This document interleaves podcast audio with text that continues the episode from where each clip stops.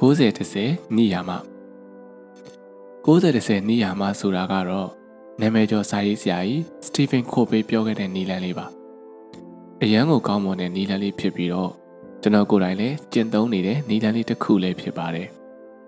ဒီနီလန်လေးကိုအတွင်းကြကြနားလည်ပြီးတော့လိုက်နာကျင့်သုံးမယ်ဆိုရင်စိတ်ညစ်စရာတွေလည်းတော်တော်လေးနည်းလာတာကိုတွေ့ရပါလိမ့်မယ်ဒီရိုးရိုးရှင်းရှင်းနီလန်လေးကိုမသိခဲ့လို့ မလိုအပ်တဲ့ခေါင်းချောက်စရာပြဿနာတွေကိုကျွန်တော်တို့ကိုယ်တိုင်ခံစားခဲ့ရပူပါတယ်တကယ်တော့ပြဿနာတော်တော်များများရဲ့တရခန့်ကိုယ်တိုင်ကကျွန်တော်တို့ကိုယ်တိုင်ဖြစ်နေခဲ့ကြောင်းကို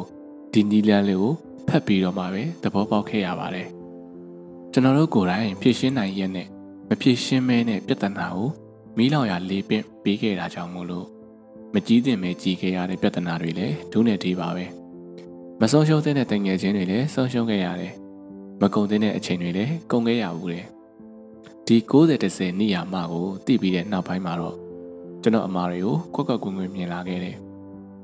ဒီ90နေရာမှအကြောင်းကိုနည်းနည်းရှင်းပြပါဦးမယ်ဒီ90 10နေရာမှမှာပါတဲ့10ဆိုတာကတော့10%ကိုဆိုလိုတာပါနေ့စဉ်ဘဝမှာ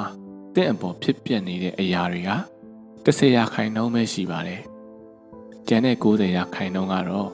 တင်ဒီအရာတွေကိုတုံ့ပြန်ရင်းနဲ့ရလာခဲ့တဲ့အရာတွေပါကျွန်တော်တို့အပေါ်မှာဖြစ်ပျက်နေတဲ့30ရာခိုင်နှုန်းသောအရာတွေကိုကျွန်တော်တို့ကအားလုံးမထိန်ချုပ်နိုင်ကြပါဘူးမိုးမရွာအောင်တားလို့မရဘူးကားလမ်းမပိတ်အောင်တားလို့မရဘူးဘတ်စကားလာတာနောက်ကျရင်လည်းကျွန်တော်တို့ဘာမှမတတ်နိုင်ဘူးဒီအရာတွေဟာဥပမာတွေဖြစ်ပြီးတော့အဲ့ဒီလိုပဲကျွန်တော်တို့မထိန်ချုပ်လိုက်နိုင်တဲ့အရာတွေလောကကြီးမှာအများကြီးရှိနေပါတယ် ဒါပေမဲ့အဲ့ဒီအရာကသင်ဘဝရဲ့10ရာခိုင်နှုန်းပဲဖြစ်ပါတယ်ကျန်တဲ့90ရာခိုင်နှုန်းကတော့အဲ့ဒီအရာတွေပေါ်မှာသင်ဘလို့တုံ့ပြန်လိုက်တယ်လဲဆိုတာပဲဖြစ်တယ်ဥပမာ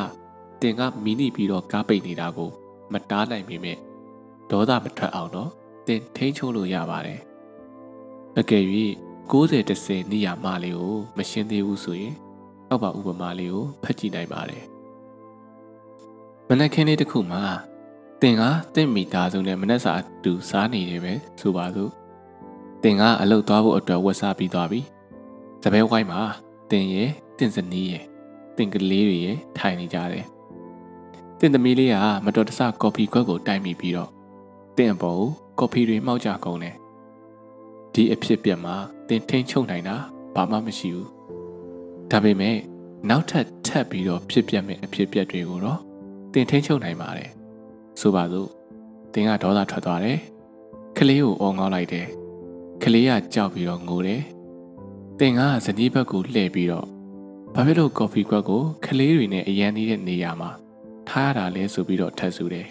။ဇနီးတဲ့နဲ့စကားများတယ်။နောက်တော့ဒေါသထွက်လာပြီးတော့အပေါ်တက်ကအခန်းမှာအဝတ်စားသွားတက်ပြီးတော့လဲတယ်။ပြန်ဆင်းလာတော့သမီးလေးကငိုနေတော့မယ်။မနှက်စာလည်းစားတာမပြီးသေးဘူး။ ဒီတော့ကြောင်းသွားဖို့နောက်ကြရောနောက်ကြတော့ကျောင်းကဖယ်ရီကားကိုမမိတော့ဘူးတင့်ရဲ့ဇနီးကလည်းအလုတ်သွားမှဖြစ်တော့မယ်။အဲဒါကြောင့်တင့်ဇနီးကအရင်ထွက်သွားတယ်။တင်ကတင့်ရဲ့ကားနဲ့သမီးတွေကိုကြောင်းလိုက်ပို့ရတယ်။တင့်ရဲ့အလုတ်ကလည်းနောက်ကျနေပြီ။ဒီတော့တင်ကကားကိုအရှိန်တင်ပြီးတော့မောင်းလိုက်တယ်။ရင်ထင်းရဲကလည်းတတ်မှတ်ထားတဲ့အရှိန်ထက်ပိုပြီးတော့မောင်းလို့တင့်ကိုတန်ရိုက်တယ်။ ကျောင်းကပူပြီးတော့နောက်ကျသွားတယ်။ကျောင်းရောက်တော့ကလေးတွေကလည်းတင့်ကိုလှည့်တောင်မကြည့်ပဲနဲ့ကျောင်းထဲကိုပြေးဝင်သွားကြတယ်။တင်ကလည်းအလုတ်ကိုနိုင်ဝက်လောက်နောက်ကျပြီးတော့မှရောက်သွားတယ်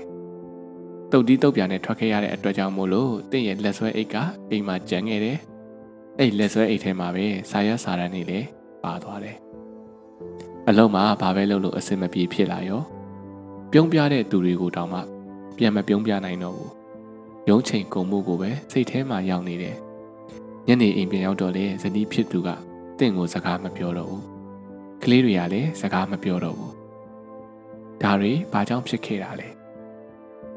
အကြောင်းရင်းကတခုပဲရှိပါတယ်အဲ့ဒါကတော့30ရာခိုင်နှုန်းသောအခြေအနေတွေကိုကောင်းကောင်းမတုံ့ပြန်နိုင်ခဲ့လို့ကျန်တဲ့90ရာခိုင်နှုန်းကအစင်မပြေမှုများစွာနဲ့ပြည့်နှက်ခဲ့ရတာပါ။ ဘာကြောင့်ဒီစိတ်ညစ်စရာနေ့တစ်နေ့ကိုတင်ကြုံခဲ့ရတာလဲ။နံပါတ်1ကော်ဖီကြောင့်လား။နံပါတ်2တင့်သမီးလေးကြောင့်လားနံပါတ်3ရင်ထင်းရဲကြောင့်လားနံပါတ်4တင့်ကြောင့်လားအဖြေမှန်ကတော့နံပါတ်4ပဲဖြစ်ပါတယ်ကော်ဖီမောက်ကြတာကိုတင်ဘလို့မှမထိန်ချုံနိုင်ဘူးဒါပေမဲ့အဲ့ဒီ9စက္ကန့်လောက်လေးအတွင်းမှာတင်ဘလို့တုံ့ပြန်လိုက်တယ်ဆိုတာကတင့်ရဲ့တနေ့တာလုံးအပေါ်မှာအကျိုးသက်ရောက်မှုရှိခဲ့ပါတယ် ဒါဆိုရင်60 10နိယာပေါင်းကိုအသုံးပြုပြီးတော့ဒီလိုအခြေအနေတွေကိုတင်ဘလို့ရှောင်လွှဲမလဲအထက်ကဖြစ်ပျက်ခဲ့တဲ့အဖြစ်ပျက်ကိုပြန်ပြီးတော့နောက်တစ်ခေါက်ပြန်ပြီးတော့စဉ်းစားကြည့်ရအောင်ဒီတခါမတူညီတဲ့တုံ့ပြန်မှုနဲ့စဉ်းစားကြည့်မယ်ကော်ပီကတင့်အပေါ်မှာမှောက်သွားပြီတင်သမီးလေးကလည်းကြောက်နေပြီးတော့ငိုနေတယ်အဲ့ဒီအချိန်မှာတင်ကသမီးလေးဖေးကြီးဘာမှမဖြစ်ဘူးနော်မငိုနဲ့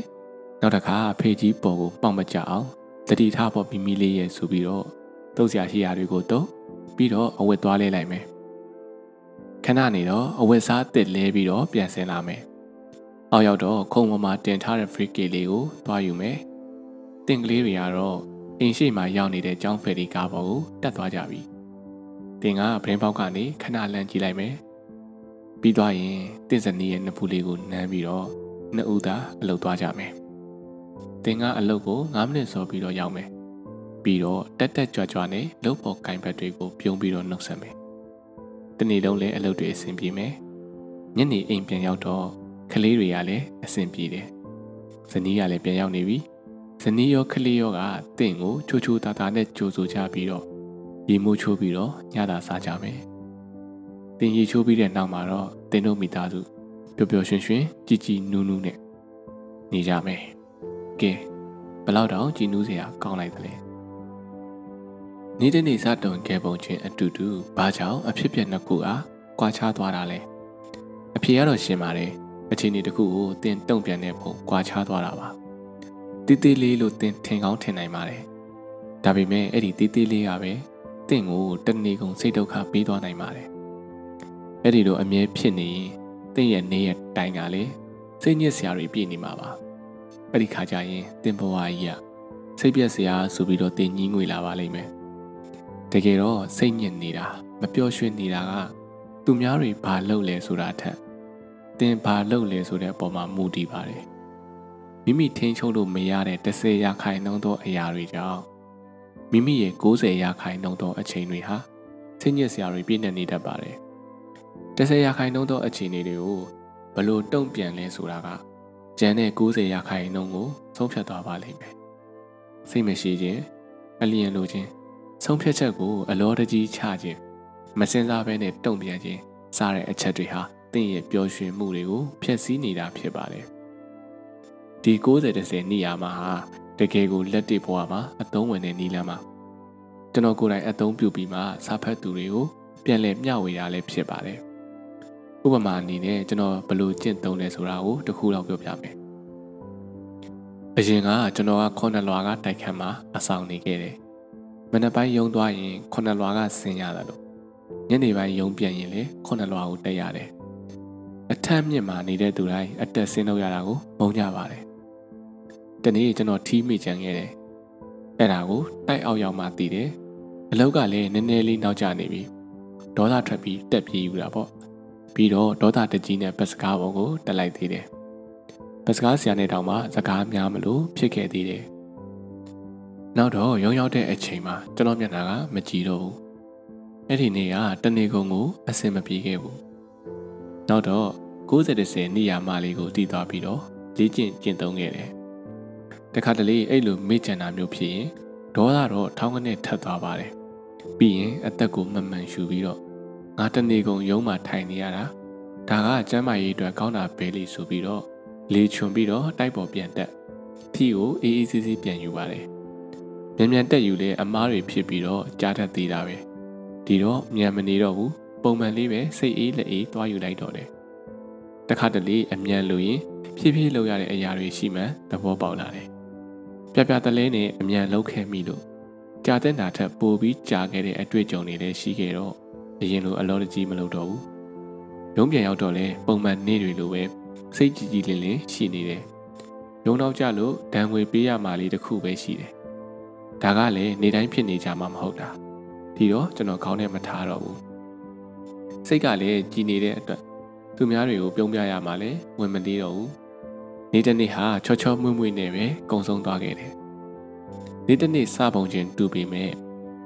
တုံ့ပြန်ပုံချင်းမတူလို့အခြေအနေတွေနောက်ဆက်တွဲတွေဟာကွာခြားသွားခဲ့ပါတယ်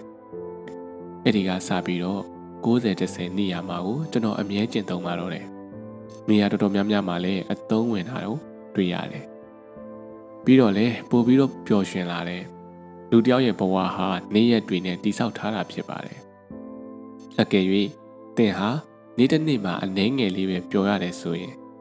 သင်ဘဝဟာလည်းပျော်ရွှင်မှုအနှဲငယ်ပဲရှိတဲ့ဘဝဖြစ်နေပါလိမ့်မယ်ဘဝမှာပျော်ရွှင်ခြင်းရင်ဟိုးအဝေးကြီးကိုမျှော်ကြည့်ရမှာမဟုတ်ဘူးနေ့စဉ်ဘဝထဲမှာမိမိအောင်မြင်ရေးအတွက်ကြိုးစားရင် ပျော်အောင်လဲနေတတ်ရမှာဖြစ်ပါတယ်မိမိရဲ့စိတ်ကိုလည်းထားတတ်ဖို့လေ့ကျင့်ယူရမှာဖြစ်ပါတယ်မိမိရဲ့ပျော်ရွှင်မှုအတွက်မိမိမှာပဲတာဝန်ရှိတယ်ဆိုတာဘယ်တော့မှမမေ့ပါနဲ့အားလုံးပဲပိုရေးလာသောမနှက်ဖြန်များကိုပိုင်ဆိုင်ကြပါစေ။